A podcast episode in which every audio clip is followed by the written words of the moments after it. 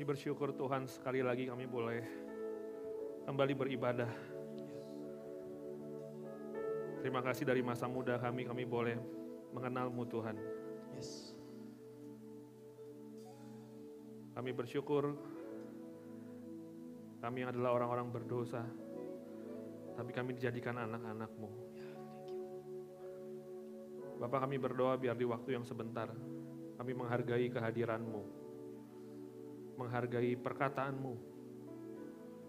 Karena engkau berkata, engkaulah roti hidup, engkaulah terang hidup, dan tanpanya kami pasti ada dalam kegelapan. Biar kebenaran firman-Mu menerangi hati dan pikiran kami Tuhan. Menjamah hati, mengubah hidup. Sehingga setiap kali kami berjumpa dengan firman-Mu, hidup kami tidak sama lagi. Biar ada roh pertobatan di tengah-tengah anak-anak-Mu Tuhan. Biar roh kudus bekerja menjamah hati mereka, menerangi hati mereka. Sehingga mereka melihat kemuliaan daripada salib-Mu. Mengalami kuasa pertukaran, dan kuasa pertobatan yang nyata. Terima kasih Tuhan, kami siap mendengar firman-Mu. Di dalam nama Yesus kita yang percaya, mari katakan Amin. amin. Silahkan duduk teman-teman semua. Boleh disapa dulu kiri kanannya ya, katakan kongsi-kongsi ya. Nampaknya ada beberapa teman-teman kita yang masih mencari angpau. Hmm.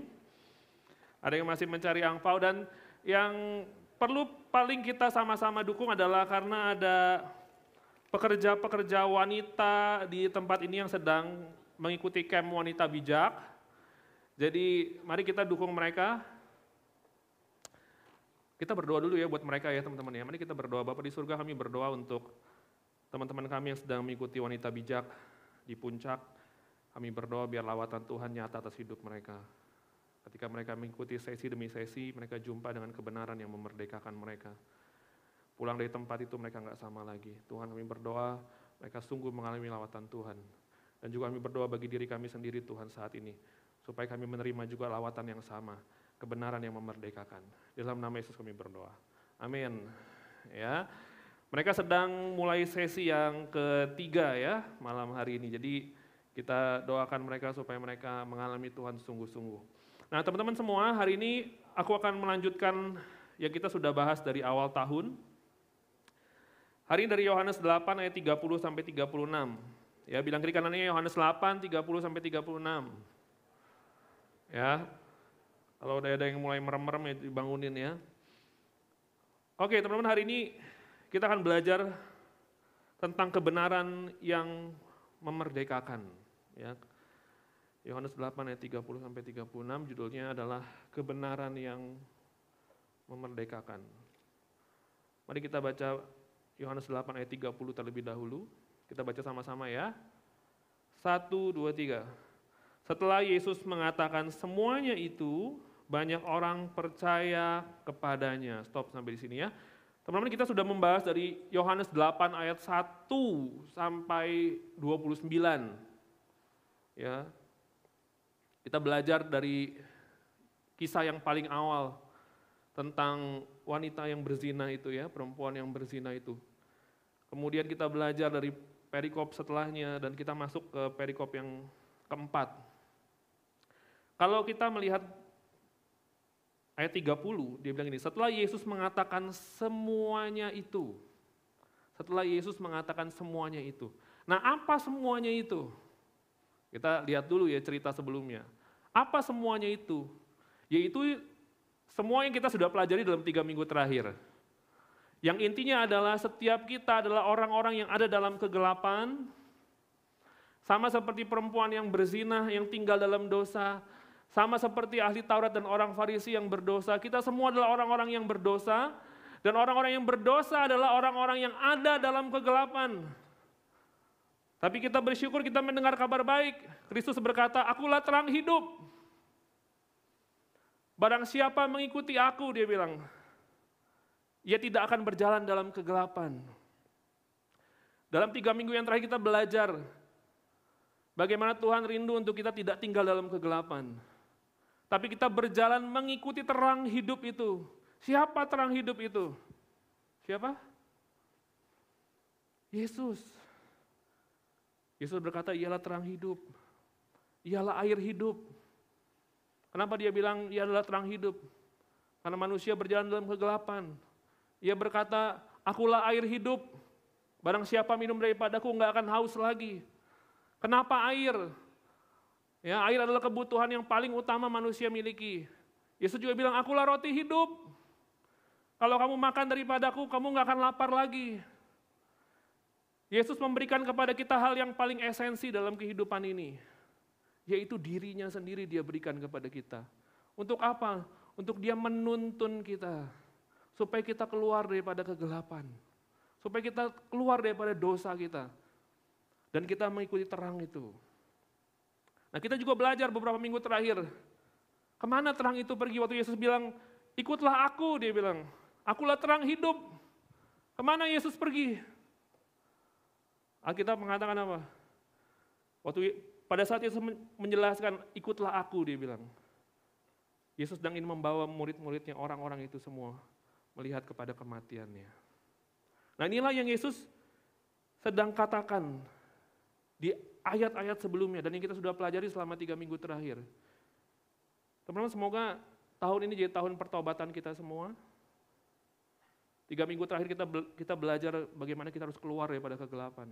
Artinya apa sih? Pertobatan. Tinggalkan yang lama. Tinggalkan hidup dalam kegelapan. Tapi itu semua perlu proses. Bagaimana prosesnya? Ikutlah terang itu. Nah ini yang Yesus katakan, setelah Yesus mengatakan semuanya itu, banyak orang percaya kepada dia. Nah teman-teman semua, Yesus bilang ikutlah terang itu. Lihatlah kepada salib itu. Makanya Ibrani 12 ayat 3 berkata begini, ingatlah selalu akan dia. Tuh ya masih ingat kan teman-teman? Ayat ini suka kita sebutkan.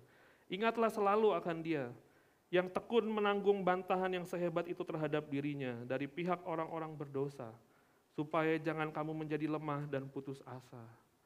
Sewaktu kita belajar ikut Tuhan, ada banyak beban dan dosa yang merintangi. Sewaktu kita belajar meninggalkan kegelapan, mungkin dalam proses kita menjadi lemah dan putus asa. Tapi Yesus berkata, Alkitab ini berkata, ingatlah selalu akan Yesus, dia bilang. Ingatlah selalu akan salibnya, Makanya cerita-cerita sebelumnya, kita belajar mengikuti terang hidup itu.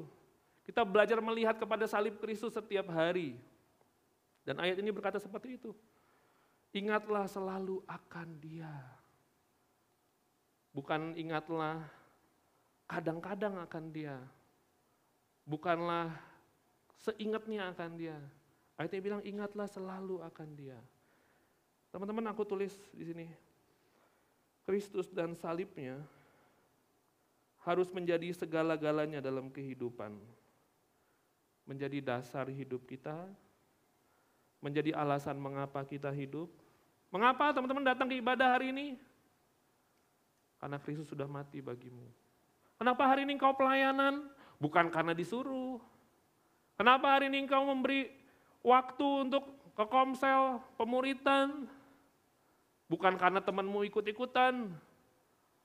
Bukan karena temanmu komsel kamu jadi ikutan.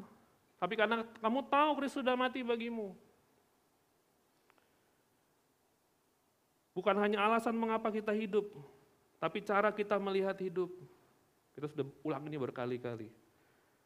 Dan bukan hanya cara kita melihat hidup, tapi kekuatan kita menjalani hidup. Karena tanpanya semuanya menjadi sia-sia. Nah, teman-teman aku hanya mengulang apa yang kita sedang pelajari terus-menerus. Supaya mengingatkan kita. Supaya kita selalu mengingat akan dia. Nah waktu Yohanes 8 ayat 30 berkata, setelah Yesus mengatakan semuanya itu banyak orang percaya kepadanya. Mari kita lanjutkan ayat 31. Maka katanya kepada orang-orang Yahudi yang percaya kepadanya, Jikalau kamu tetap dalam firmanku, kamu benar-benar adalah muridku. Nah teman-teman di sini ada kualifikasi, ada ada sebuah standar orang percaya.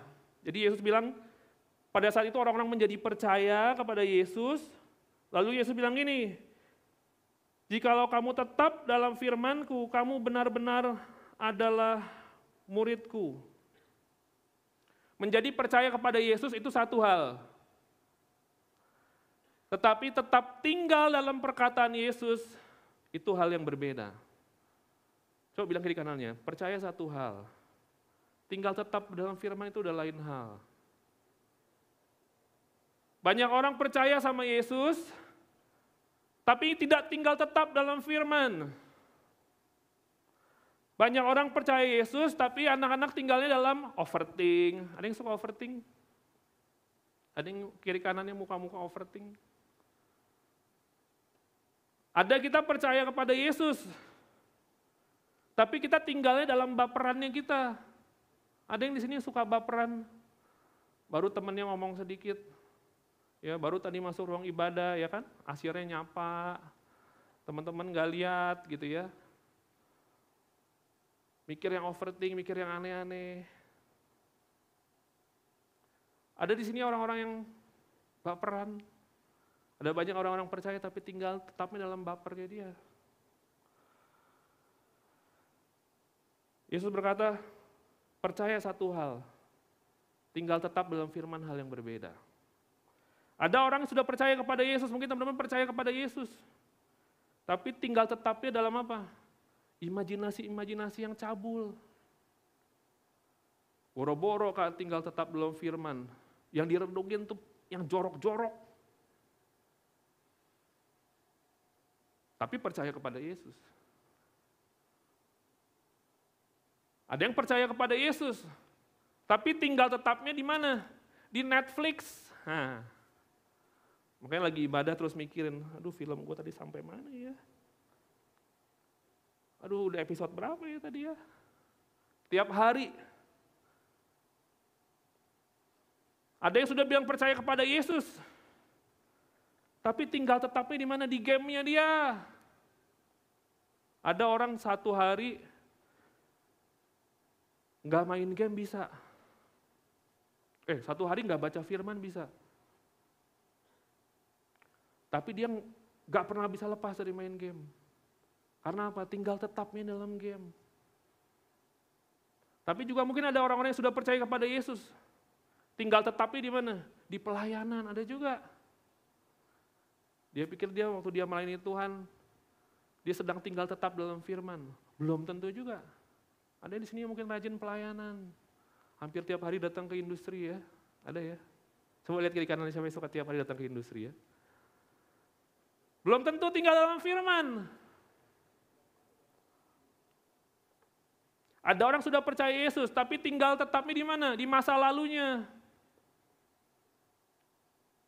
Ada orang sudah percaya kepada Yesus, tapi tinggal tetapnya di mana?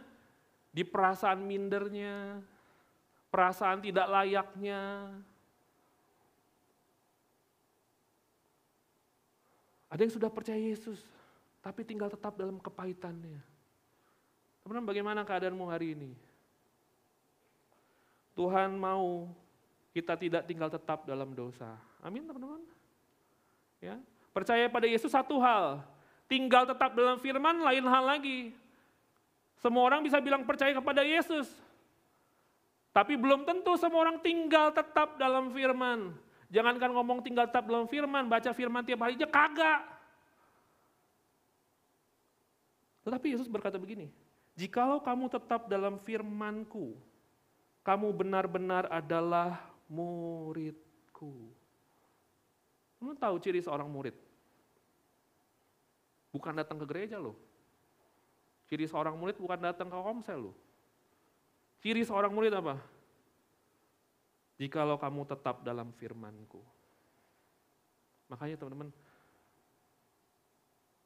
ikut Tuhan bukanlah hal yang mudah. Bukan hanya di mulut berkata percaya. Tapi apakah kita terus-menerus tinggal tetap dalam perkataannya. Mari tahun ini teman-teman, sudah hampir empat minggu kita membahas tentang hidup dalam kegelapan mengikuti terang. Apa tujuannya? Adanya hidup yang berubah. Ini bulan Januari udah mau habis ya. Betul ya? Kayaknya baru tahun baru kemarin ya. Kayaknya baru New Year 31 tuh baru kemarin rasanya. Tapi bulan Januari udah mau habis. Adakah kita mengalami hidup yang berubah? Coba tanya kiri kanannya, udah mengalami perubahan hidup apa lu?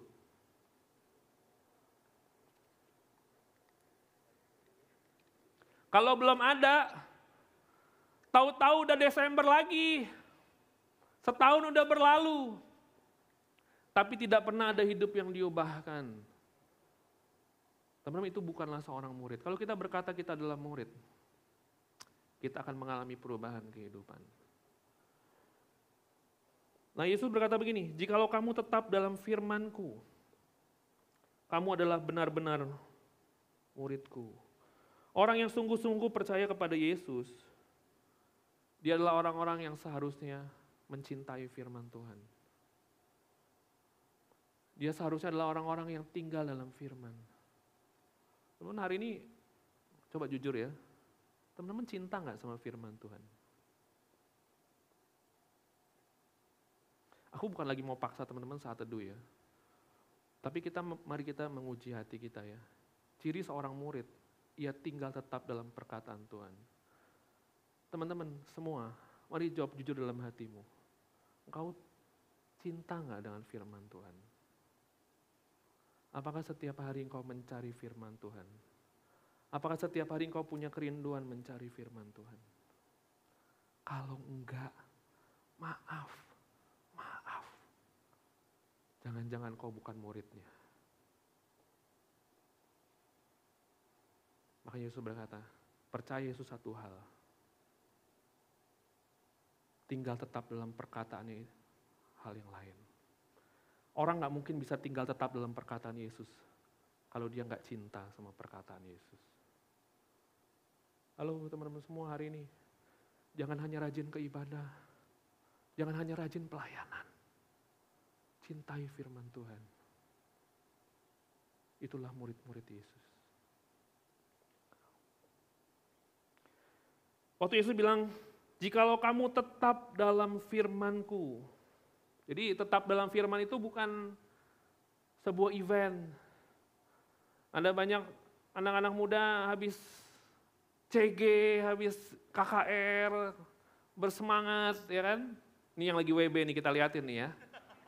Nah, habis pulang WB pasti bijak bener, masih halus. Ntar liatin seminggu, dua minggu ya, teman PKS-nya liatin ya. Kalau cewek-cewek udah mulai tempernya tinggi, ingat wanita bijak. Nah teman-teman yang cowok juga, kalau cewek udah di komsel gini, wanita bijak. Nanti dia langsung turun sendiri. Tinggal tetap dalam perkataan Tuhan bukanlah one time event. Tapi setiap hari butuh konsisten. Teman-teman masih konsisten mencari Tuhan, mencari firman? Kita nggak usah ngomong pertobatan ya, belum, belum nyampe. Kita ngomong apakah kita masih mencari firman setiap hari. Tinggal tetap dalam firman bicara tentang konsistensi, bicara ketekunan.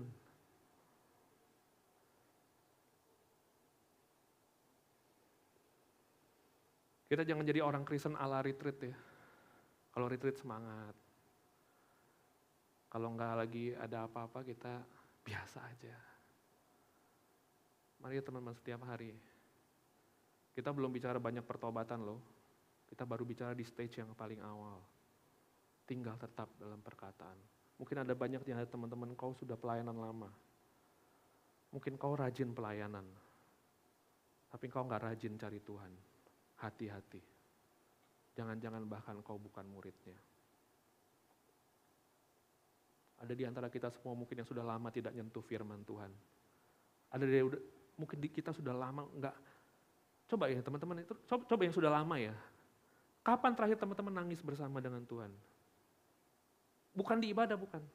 Kapan terakhir kamu nangis sama Tuhan bersama Alkitabmu? Aku nggak mengukur semua dengan nangis-nangis bukan. Tapi kapan terakhir kamu dijamah sama perkataan Tuhan yang kamu baca sendiri? Coba kita renungkan. Terutama mungkin kau yang sudah lama ya pekerja-pekerja. Bertahun-tahun ikut Tuhan. Jangan-jangan kita bisa bilang apa? Iya ya saya lupa ya kapan ya saya terakhir nangis sama Tuhan tuh kapan? Gue juga nggak inget. Hati-hati. Jangan ngomong kita gini, jangan ngomong pertobatan, jangan ngomong perubahan hidup. Kalau firman nggak pernah nyentuh hatimu, nggak pernah mendarat di hatimu, nggak akan ada hidup yang berubah. Tapi pertanyaannya, apa kita tinggal tetap dalam firman? Apa kita izinkan setiap hari firman itu mendarat di dalam hati kita? Mari hari ini teman-teman semua, jangan jadi generasi yang jago pelayanan, jangan jadi generasi yang jago tampil, jangan jadi generasi yang hanya aktif, Jadilah generasi yang mengasihi perkataan Tuhan. Berbahagialah orang yang apa? Hidup mencintai Taurat Tuhan. Yang merenungkan Taurat itu siang dan malam. Ya seperti pohon yang ditanam di tepi aliran air. Yang yang menghasilkan buahnya pada musimnya. Yang tidak layu daunnya. Apa saja yang diperbuatnya berhasil. Teman-teman semua jangan mencintai hal yang lain selain perkataan Tuhan di hidupmu. Dengan demikian, kamu adalah murid-muridnya. Jadi kualifikasi murid nggak segampang kita ikut SPK lalu bilang saya pengikut Kristus, saya murid Kristus. Kualifikasi murid bukan hanya segampang saya pelayanan lalu saya disebut murid. Tapi kualifikasi seorang murid adalah perkataan Kristus yang tinggal dalam hidupnya. Bukan hanya tinggal dalam hidupnya. Nah mari kita lihat ayat 32. Dia bilang begini. Dan kamu akan mengetahui kebenaran. Dan kebenaran itu akan memerdekakan kamu. Jadi orang percaya satu hal, tinggal tetap dalam firman satu hal, tapi dimerdekakan hidupnya satu hal lagi. Itulah murid Kristus. Teman-teman semua, apakah hari ini ada hidup yang masih dimerdekakan? Apakah ada hidup yang diubahkan karena firman Tuhan? Kalau nggak ada juga, jangan-jangan kita bukan murid Kristus. Yesus berkata, dan kamu akan mengetahui kebenaran. Dan kebenaran itu akan memerdekakan kamu. Teman-teman tahu apa itu kebenaran? Kebenaran apa yang Yesus mau kita tahu? Kan dia bilang gitu, dan kamu akan mengetahui kebenaran, dan kebenaran itu akan memerdekakan kamu. Berarti tanpa kebenaran itu, hidup kita nggak akan pernah merdeka, betul? Dan dia bilang, kamu akan mengetahui kebenaran. Nah kebenaran apa yang perlu diketahui? Kebenaran apa? Ayat sebelumnya yang kita baca. Kebenaran apa? Yesus yang mati bagimu. Itulah yang akan membebaskan kita daripada dosa. Teman-teman semua, makanya sudah hampir satu tahun. Sudah hampir satu tahun lebih kita belajar. Kita belajar berjumpa setiap minggu dengan Yesus yang sudah mati dan bangkit bagi kita. Satu tahun lebih, setiap minggu terus diberitakan. Ketika firman diberitakan, kita diberitakan juga Yesus yang mati dan bangkit bagi kita. Kenapa? Karena di sanalah kuasa pertukaran terjadi. Di sanalah pembebasan terjadi. Makanya aku suka mulai mendengar gini. Saya udah mulai bosan kak, khotbahnya setiap minggu. Itu-itu terus. Tentang memberitakan Injil, Khotbahnya setiap minggu tentang Yesus yang mati dan bangkit, aku tuh bosen. Ada yang sudah mulai berpikir bosen? Udah setahun lebih ya kita bahas ya, bahkan hampir dua tahun kayaknya. Tahu nggak kenapa kita bosen? Yesus mati bagi kita adalah sebuah fakta itu satu hal.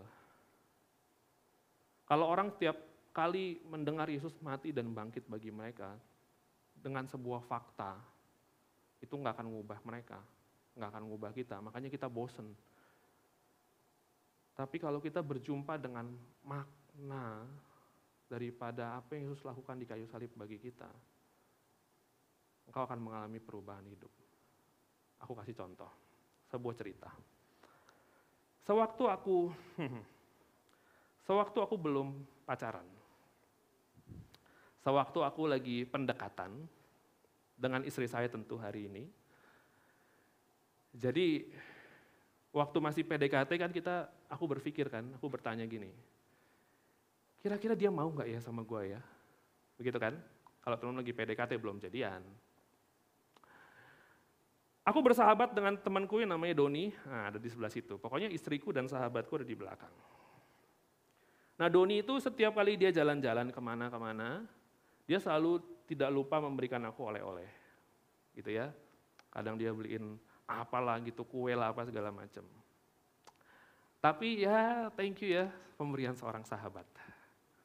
Artinya dia nggak lupa sama gue. Sewaktu masa pendekatan dengan mantan pacar saya, yang jadi istri saya hari ini,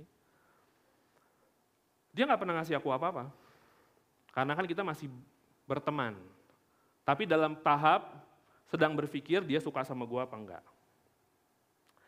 Ada satu waktu, aku lagi pemuritan di bawah. Terus dia samperin aku. Dia beliin aku es krim Aice, mochi, 3000 Indomaret. Aku lagi pemuritan, dia kasih, nih gitu. Pas terima Aice 3000, kalah kadonya Doni. Oleh-oleh Doni kalah. Gue langsung, aduh. 3000 tapi kesannya dalam. Lagi pemuritan anak binaku bilang gini, kok, yuk kenapa kok? Oh enggak, enggak, enggak. Anak binaku bilang gini, ini kesemsem nih, dia bilang. Teman mengerti maksudku? Bagi teman-teman semua dikasih AIC 3000, biasa. Tapi buat gua, AIC 3000, dalam. Semua orang tahu fakta, AIC cuma 3000, murah. Tapi hanya sebagian orang, mungkin hanya gua sendiri yang dapat 3000, punya segudang arti. Artinya apa pas dapat Aisyah 3000 itu? Wah, dia mau sama gua. Nggak usah kasih yang yang ini ini dah. Aisyah udah gua tahu dia mau sama gua. Orang sebelumnya nggak pernah ngasih. Semua orang tahu fakta Yesus mati buat mereka. Kita semua tahu. Tapi sampai kau menemukan makna Yesus mati bagimu secara pribadi, engkau baru akan mengalami perubahan kehidupan. Makanya orang setiap minggu datang lalu dengar khotbah. Ya Yesus mati setiap minggu diberitain biasa aja, bosen. Saya mau khotbah yang lebih high, lebih high gitu. Kenapa kita berkata seperti itu? Engkau tidak pernah menemukan makna penebusan Kristus bagi hidupmu secara pribadi. Itu masalahnya. Dan kenapa setiap minggu teman-teman dikotbahkan tentang Kristus yang mati bagimu, supaya engkau menemukan maknanya bagimu secara pribadi. Doni dikasih aja 3000 mah, dibuang sama dia, nggak berubah hidupnya. Gue dikasih aja 3000, berubah hidup gue. Mengerti maksudnya? Apa yang Yesus katakan? Dan kamu akan mengetahui kebenaran dan kebenaran itu akan memerdekakan kamu. Kebenaran apa yang akan memerdekakan kita? Kebenaran Yesus yang mati bagimu. Teman-teman, aku, aku belasan tahun pelayanan. Ada banyak waktu aku kecewa di dalam pelayanan. Lelah, ingin mundur, capek. Dan semua hal-hal yang gak enak terjadi. Tapi apa yang memerdekakan aku? Bukan karena temanku tetap pelayanan, aku ikut pelayanan. Bukan karena pemimpinku ada makanya aku pelayanan. Apa yang memerdekakanku? Aku tahu Kristus melayaniku duluan begitu hebat. Kalau Kristus beri dirinya buat aku melayaniku duluan. Pelayananku tuh cuma sebagian kecil. Yang kalau Alkitab berkata gini, penderitaanmu tuh belum sampai mencucurkan darah. Tapi Kristusmu mati mencucurkan darah untukmu. Itu makna. Kalau kita tidak pernah bisa mengaitkan penebusan Kristus dalam semua hal di hidup kita dan menemukan maknanya dalam semua area hidup kita, nggak akan ada kebenaran itu memerdekakan engkau. Nanti jadinya gini, ya disuruh saat teduh lagi. Ya disuruh pelayanan lagi. Nah itu kita nggak menemukan maknanya. Makanya Yesus berkata, kamu akan mengetahui kebenaran. Kebenaran Kristus mati bagimu. Dan kebenaran itu akan memerdekakan kamu. Banyak orang nggak mau menginjil, kenapa? Banyak orang tidak mau melayani, kenapa? Dia nggak tahu. Kristus sudah mati bagi dia. Mungkin tahu faktanya, tapi nggak menyentuh hatinya. Makanya Paulus sampai berkata gini, tahu nggak? Aku tidak mau mengetahui apa-apa selain Kristus yang mati bagiku. Coba lu. Makanya kalau ada anak-anak yang kepo, aku suka bilang, jangan mau tahu apa-apa selain Kristus yang mati bagimu. Tahu nggak kenapa Paulus berkata begitu? Kenapa Paulus berkata, aku tidak mau mengetahui apa-apa selain Kristus yang mati bagiku. Tapi jemaatnya bilang gini, bosen. Kenapa? Karena Paulus tahu maknanya dalam buat hidupnya dia. Makanya Paulus berkata begini sama jemaat di Galatia, Hei jemaat Galatia yang bodoh, siapa yang mempesona kamu? Bukankah Kristus yang terlukiskan dengan indah itu? Yang harusnya kamu lihat, yang menangkap hatimu? Kenapa kita berkata kita bosan dengan kebenaran Injil? Kita tidak menemukan maknanya. Dan kalau kita tidak menemukan maknanya, kita tidak akan pernah mengalami kemerdekaan. Inilah yang Yesus maksud. Apa artinya kemerdekaan? Waktu Yesus bilang, dan kamu akan mengetahui kebenaran dan kebenaran itu akan memerdekakan kamu. Jadi waktu Yesus ngomong dan kamu akan mengetahui kebenaran dan kebenaran itu akan memerdekakan kamu, Yesus sedang ngomong sama orang-orang Yahudi. Karena apa? Karena orang-orang Yahudi ini dulu nenek moyangnya diperbudak sama Mesir. Oke? Karena orang-orang ini dulu nenek moyang ini diperbudak sama Mesir, maka Yesus ngomong, kamu akan mengetahui kebenaran dan kebenaran itu akan memerdekakan kamu. Kita tahu bahwa gambaran Mesir adalah gambaran perbudakan atas dosa. Dan bagaimana Allah menuntun, kita juga sudah belajar beberapa minggu lalu. Bagaimana Allah menuntun Israel dengan tiang awan dan tiang api keluar daripada kegelapan. Kegelapan apa? Kegelapan dosa. Makanya Yesus bilang tentang kemerdekaan. Kemerdekaan dari apa? Kemerdekaan dari dosa.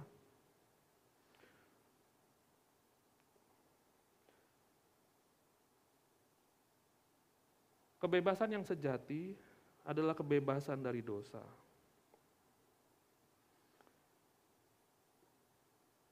Kebebasan untuk tetap tinggal dalam firman Tuhan. Lalu ayat 33, orang-orang ini bilang begini, kami adalah keturunan Abraham dan tidak pernah menjadi hamba siapa pun. Bagaimana engkau dapat berkata, kamu akan merdeka? Jadi habis Yesus bilang, kebenaran akan memerdekakanmu. Mereka bilang gini, kami adalah keturunan Abraham. Kami nggak pernah jadi hamba siapa pun. Kenapa kamu berkata kamu akan merdeka? Kita akan merdeka. Jadi orang-orang ini, tahu nggak orang-orang ini tuh sedang memungkiri sebuah fakta sebetulnya. Faktanya mereka memang keturunan Abraham, itu betul. Tapi kita tahu keturunan Abraham kemudian mereka adalah orang-orang yang diperbudak. Betul ya? Tapi mereka bilang gini, kita ini nggak diperhamba, kita ini nggak di, kita ini bukan budak siapa pun. Itu satu hal dia menyangkali. Dia ngomong memang kita ini keturunan Abraham, tapi dia juga lupa bahwa mereka adalah orang yang pernah diperbudak. Tapi bukan hanya itu. Mereka yang ada pada saat itu adalah orang-orang yang sedang dijajah oleh Romawi. Mereka sedang diperbudak. Tapi mereka bilang kepada Yesus, kami adalah keturunan Abraham dan tidak pernah menjadi hamba siapa pun. Bagaimana engkau dapat berkata kamu akan merdeka? Tahu apa maksudnya teman-teman? Orang-orang ini ngomong seperti itu. Orang-orang ini adalah orang-orang yang memang tidak mau bertobat. Mereka bilang, mereka mereka keturunan Abraham. Iya betul keturunan Abraham. Tapi justru keturunan Abraham adalah orang yang diperbudak pada saat itu. Apa artinya? Mereka mau bilang gini, kita nggak butuh kamu Yesus. Kita nggak butuh kebenaranmu. Karena kita nggak diperbudak. Teman-teman semua hari ini, apakah setiap harinya kita mencari kebenaran firman Tuhan. Kalau tidak, kalau tidak, jangan-jangan memang kita adalah seperti orang-orang itu. Kita yang berkata apa? Aku nggak diperbudak, aku nggak butuh. Aku nggak butuh dengar Injil. Aku nggak butuh dengar kebenaran. Aku nggak perlu cari firman Tuhan setiap hari. Nggak perlu aku. Mungkin kita seperti orang-orang itu.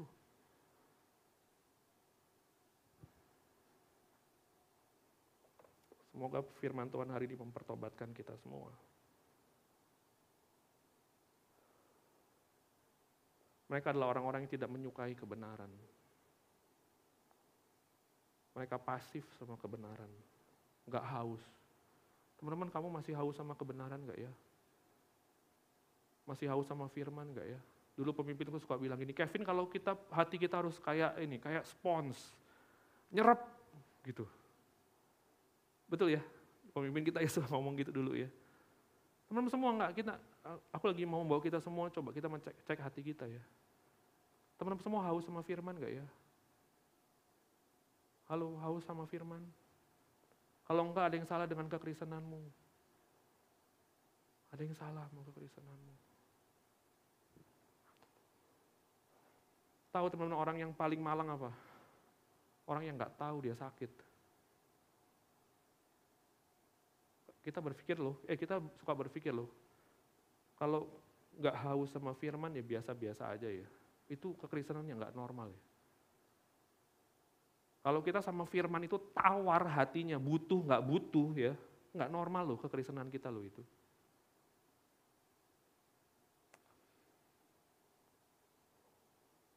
Makanya firman Tuhan berkata, Tuhan mau kita tinggal tetap dalam firman.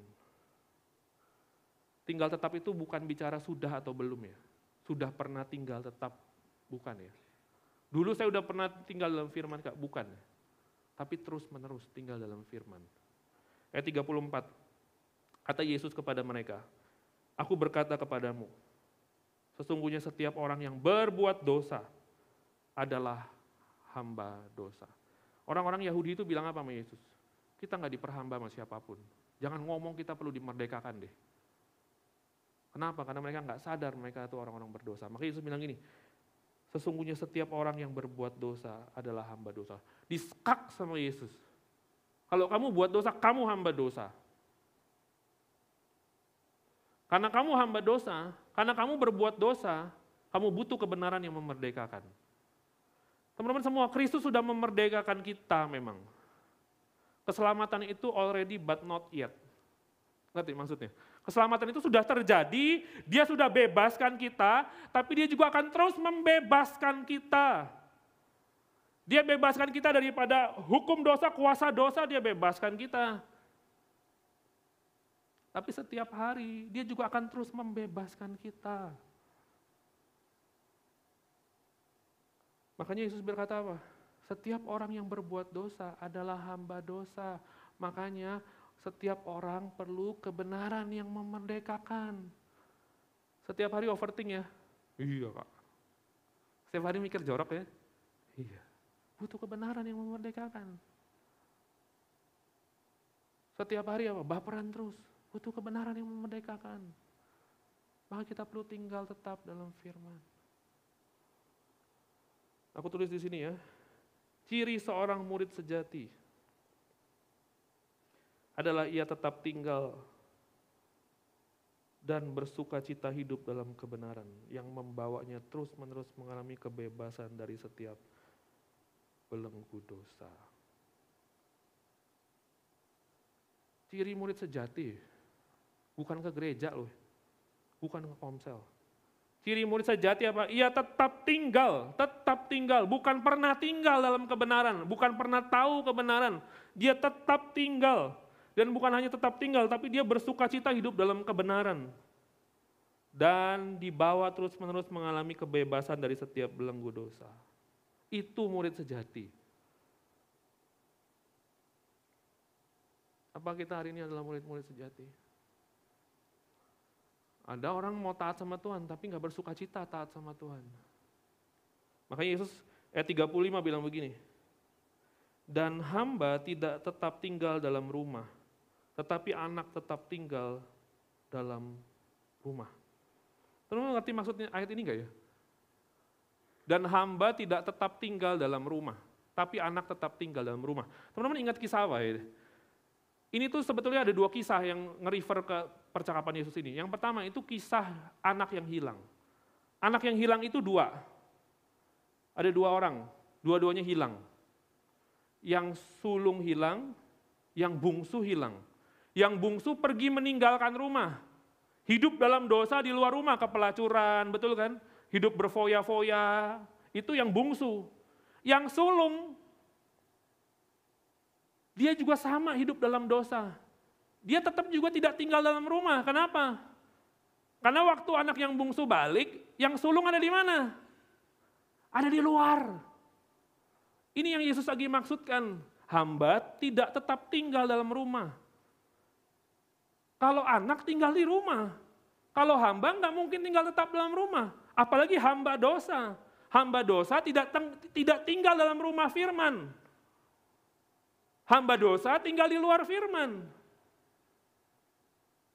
Dan kisah dua anak dua, eh, anak yang bungsu itu dua-duanya hilang. Anak tapi tinggalnya di luar rumah anak, anak bapak, tapi yang didengar bukan perkataan bapaknya. Yang didengar yang perkataan dunia ini. Seberapa banyak kita anak-anak Tuhan yang kita dengar bukan apa kata firman, apa kata orang, apa kata televisi, apa kata gamenya, apa kata buku-bukunya. Itu bukan anak. Anak. Kalau kita sungguh-sungguh anak, kita tinggal tetap dalam perkataan Bapa, perkataan firman. Makanya Yesus bilang, hamba tidak tinggal tetap dalam rumah. Tapi ada juga Maria dan Marta. Si Maria duduk dekat kaki Yesus, Marta beres-beres, bersih-bersih. Lalu dia bilang apa? Eh Tuhan Yesus, itu si Maria bukan bukan bantu beres-beres, Maria tinggal tetap dalam perkataan Yesus. Marta tidak. Kelihatannya Marta lebih rohani pelayanan. Tapi tidak tinggal tetap dalam perkataan. Ini maksudnya. Aku tulis di sini uh, statementnya Charles Spurgeon ya.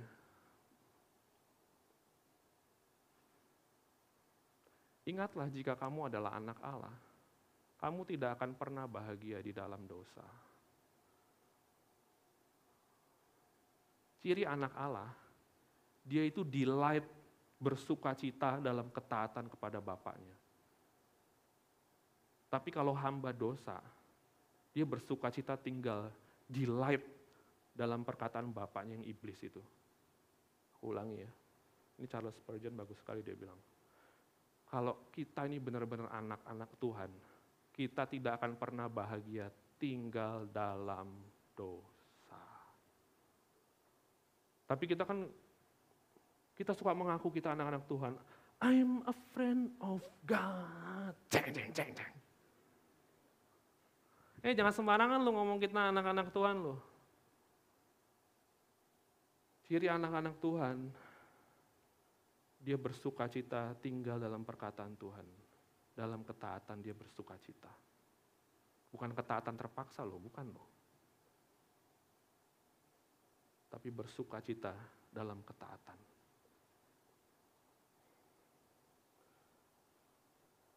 Kemudian ayat 36 ini ayat yang terakhir ya. Udah terakhir. Jadi apabila anak itu memerdekakan kamu, kamu pun benar-benar merdeka.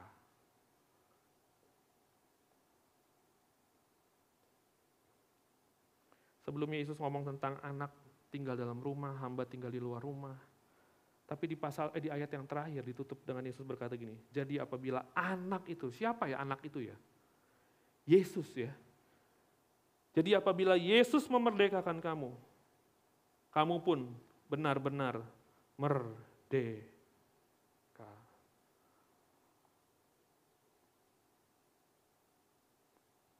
Teman tahu maksud ayat ini apa? Yesus lagi ngomong begini. Aku ini anak Bapak. Tapi aku turun ke dunia ini jadi hamba.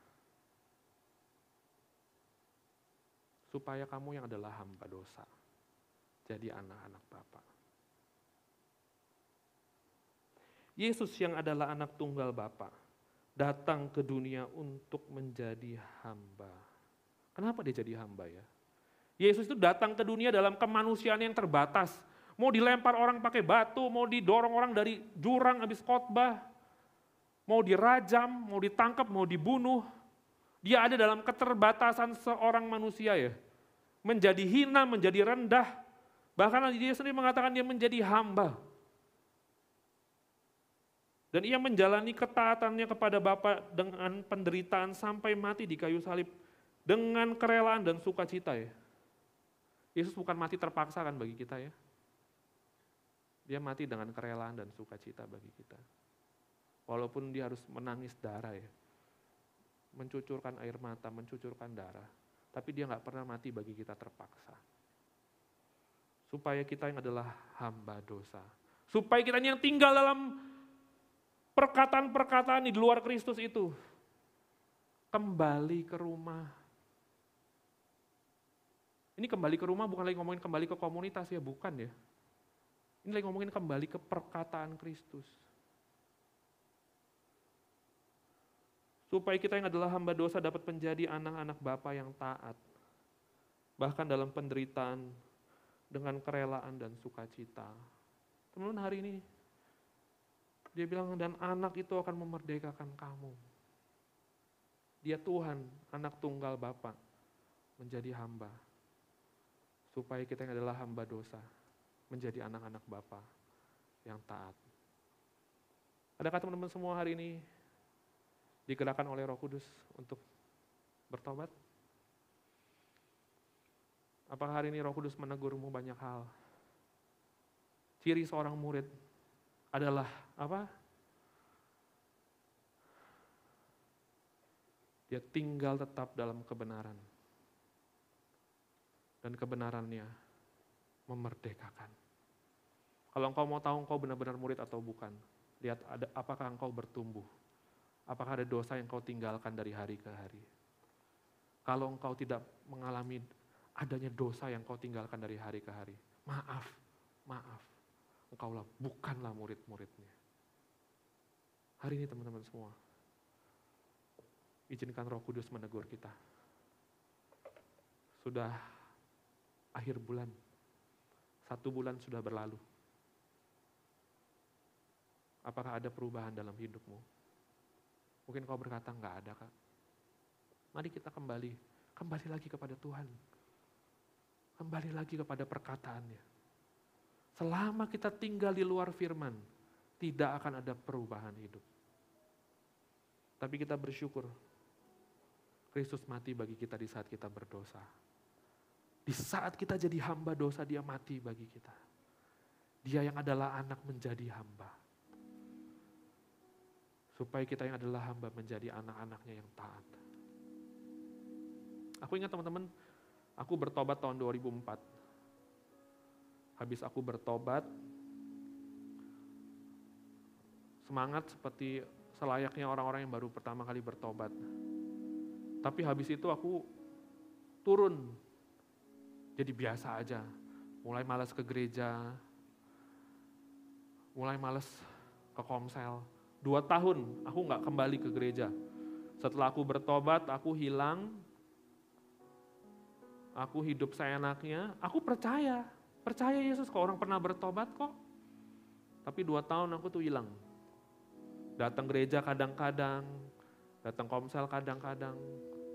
Tapi aku ingat tahun 2006, itu titik balik sekali dalam hidupku sampai hari ini. Dari 2006 sampai 2023 ini. Sudah 12 tahun lebih mungkin ya. Berapa? 17, 17. Tapi teman tahu apa yang mengubahkan aku? Satu ketika aku datang ke gereja dalam kondisi yang up and down ya. eh, percaya sih tapi nggak bertumbuh stuck gitu. Tapi waktu lagi itu kita mau ibadah, aku lagi tunggu di depan auditorium speed dulu mau ibadah, rame banget. Terus ada pemimpinku, gembala area aku berpapasan sama aku. Dia bilang gini, Kevin, aku ingat kata-katanya, saya senang lihat kamu. Dalam hati gue, mentang-mentang gue udah lama gak ke gereja, yang sekali tegur gue gembala area lagi, dia bilang senang ini, senang kayaknya mungkin anak yang hilang telah kembali gitu. Mungkin nggak tahu deh apa, apa yang sudah mati bangkit kembali nggak tahu. Dia bilang saya senang lihat kamu. Oh iya kak, aku bilang gitu. Terus dia geser sedikit, pas kita hadap-hadapan. Dia bilang gini sama aku. Dia tepuk-tepuk sini aku ya, dia bilang gini. Kamu harus serius ikut Tuhan. Karena Tuhan serius sama hidup kamu. Gitu ya Kevin ya? Saya masuk dulu ya, saya masuk. Tapi waktu dia ngomong kayak gitu, itu titik balik 2006 sampai hari ini aku mengikut Tuhan. Waktu dia ngomong, waktu dia pergi, aku tuh nggak tahan mau nangis gitu. Kemudian pintu ruang ibadah dibuka, aku masuk, terus air mataku itu turun. Aku bilang segini sama Tuhan, Tuhan ampuni saya Tuhan. Saya main-main sama Tuhan. Saya tahu Tuhan gak pernah main-main sama hidup saya. Dengan kau mati bagiku. Kau gak pernah mati main-main buat aku. Aku tuh hanya menemukan sebuah fakta sedikit sekali. Tapi maknanya dalam sampai hari ini. Waktu aku tahu Kristus tidak pernah main-main dalam hidupku. Dia mati tidak pernah mati main-main untukku. Dan itulah kebenaran yang memerdekakanku sampai hari ini aku ikut Tuhan. Teman-teman semua, Kristus mengasihimu. Kalau engkau anaknya, dia tidak ingin engkau tinggal di luar rumah. Kembalilah kepada rumah firman. Kembalilah ke perkataannya. Tinggal tetap dalam perkataannya. Dan kebenaran itu akan memerdekakan engkau. Mari kita tundukkan kepala kita. Terima kasih Tuhan. Mari kita bersaat teduh sebentar. Izinkan roh kudus bicara secara pribadi buat teman-teman semua. Buka hatimu, dengar perkataannya yang sangat lembut.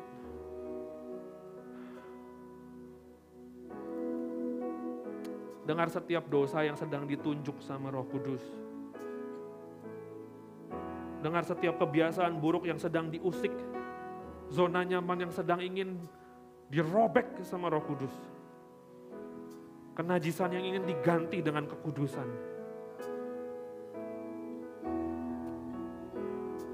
Dengar suaranya, dia sedang bicara kepada engkau apabila engkau memang anak-anaknya. Dia berkata, kembalilah tinggal dalam rumah.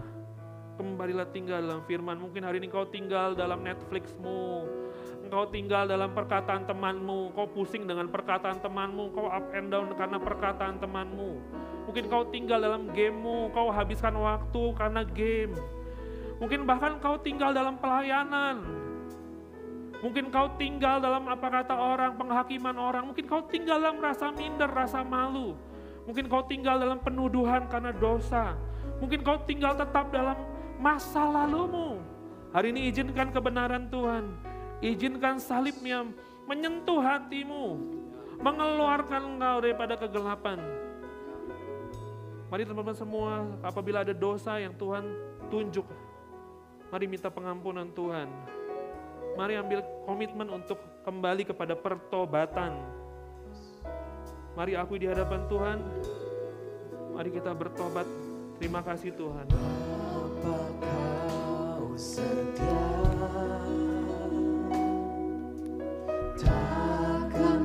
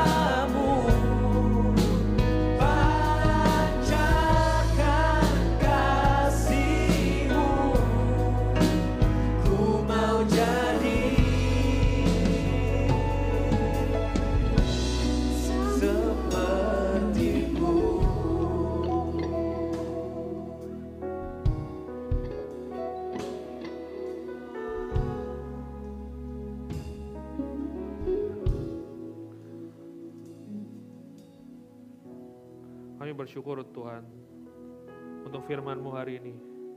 Engkau mengajak anak-anak-Mu yang sedang tinggal di luar rumah, tinggal di luar firman-Mu, untuk kembali, untuk kembali kepada pelukan-Mu Tuhan. Kristus mengasihimu, dia mati bagimu. Dia tidak ingin kau tinggal di luar rumah. Kembalilah kepada perkataannya, di sana kau akan menemukan kebenaran. Dan kebenaran itu akan memerdekakan engkau. Kami menaruh setiap beban dan dosa yang merintangi di bawah kaki salibmu Tuhan. Karena di sanalah kami temukan kasih karunia, pengharapan bahkan pertukaran yang luar biasa Tuhan. Biar setiap hari kami mengingat selalu akan kau yang mati bagi kami. Menjadi dasar hidup kami. Menjadi kekuatan kami melangkah. Menjadi alasan kami hidup dan menjadi segala-galanya dalam hidup kami. Terima kasih biar roh kudus yang mengerjakan perubahan hidup dalam hati anak-anakmu Tuhan. Sampai mereka menyadari dengan penuh hidup mereka bukan milik mereka lagi. Dan mereka menyadari hidup mereka tidak sama lagi Tuhan. Biar dalam setiap kebenaran yang mereka baca setiap hari roh kudus memberikan kepada mereka pengertian. Memberikan mereka dorongan untuk mencari firman-Mu setiap hari. Sehingga mereka dipuaskan hanya oleh karena perkataanmu. Terima kasih Bapak di surga dalam nama Yesus. Kami telah berdoa, mendengar firman, mengucap syukur. Kita semua mari berkata, amin.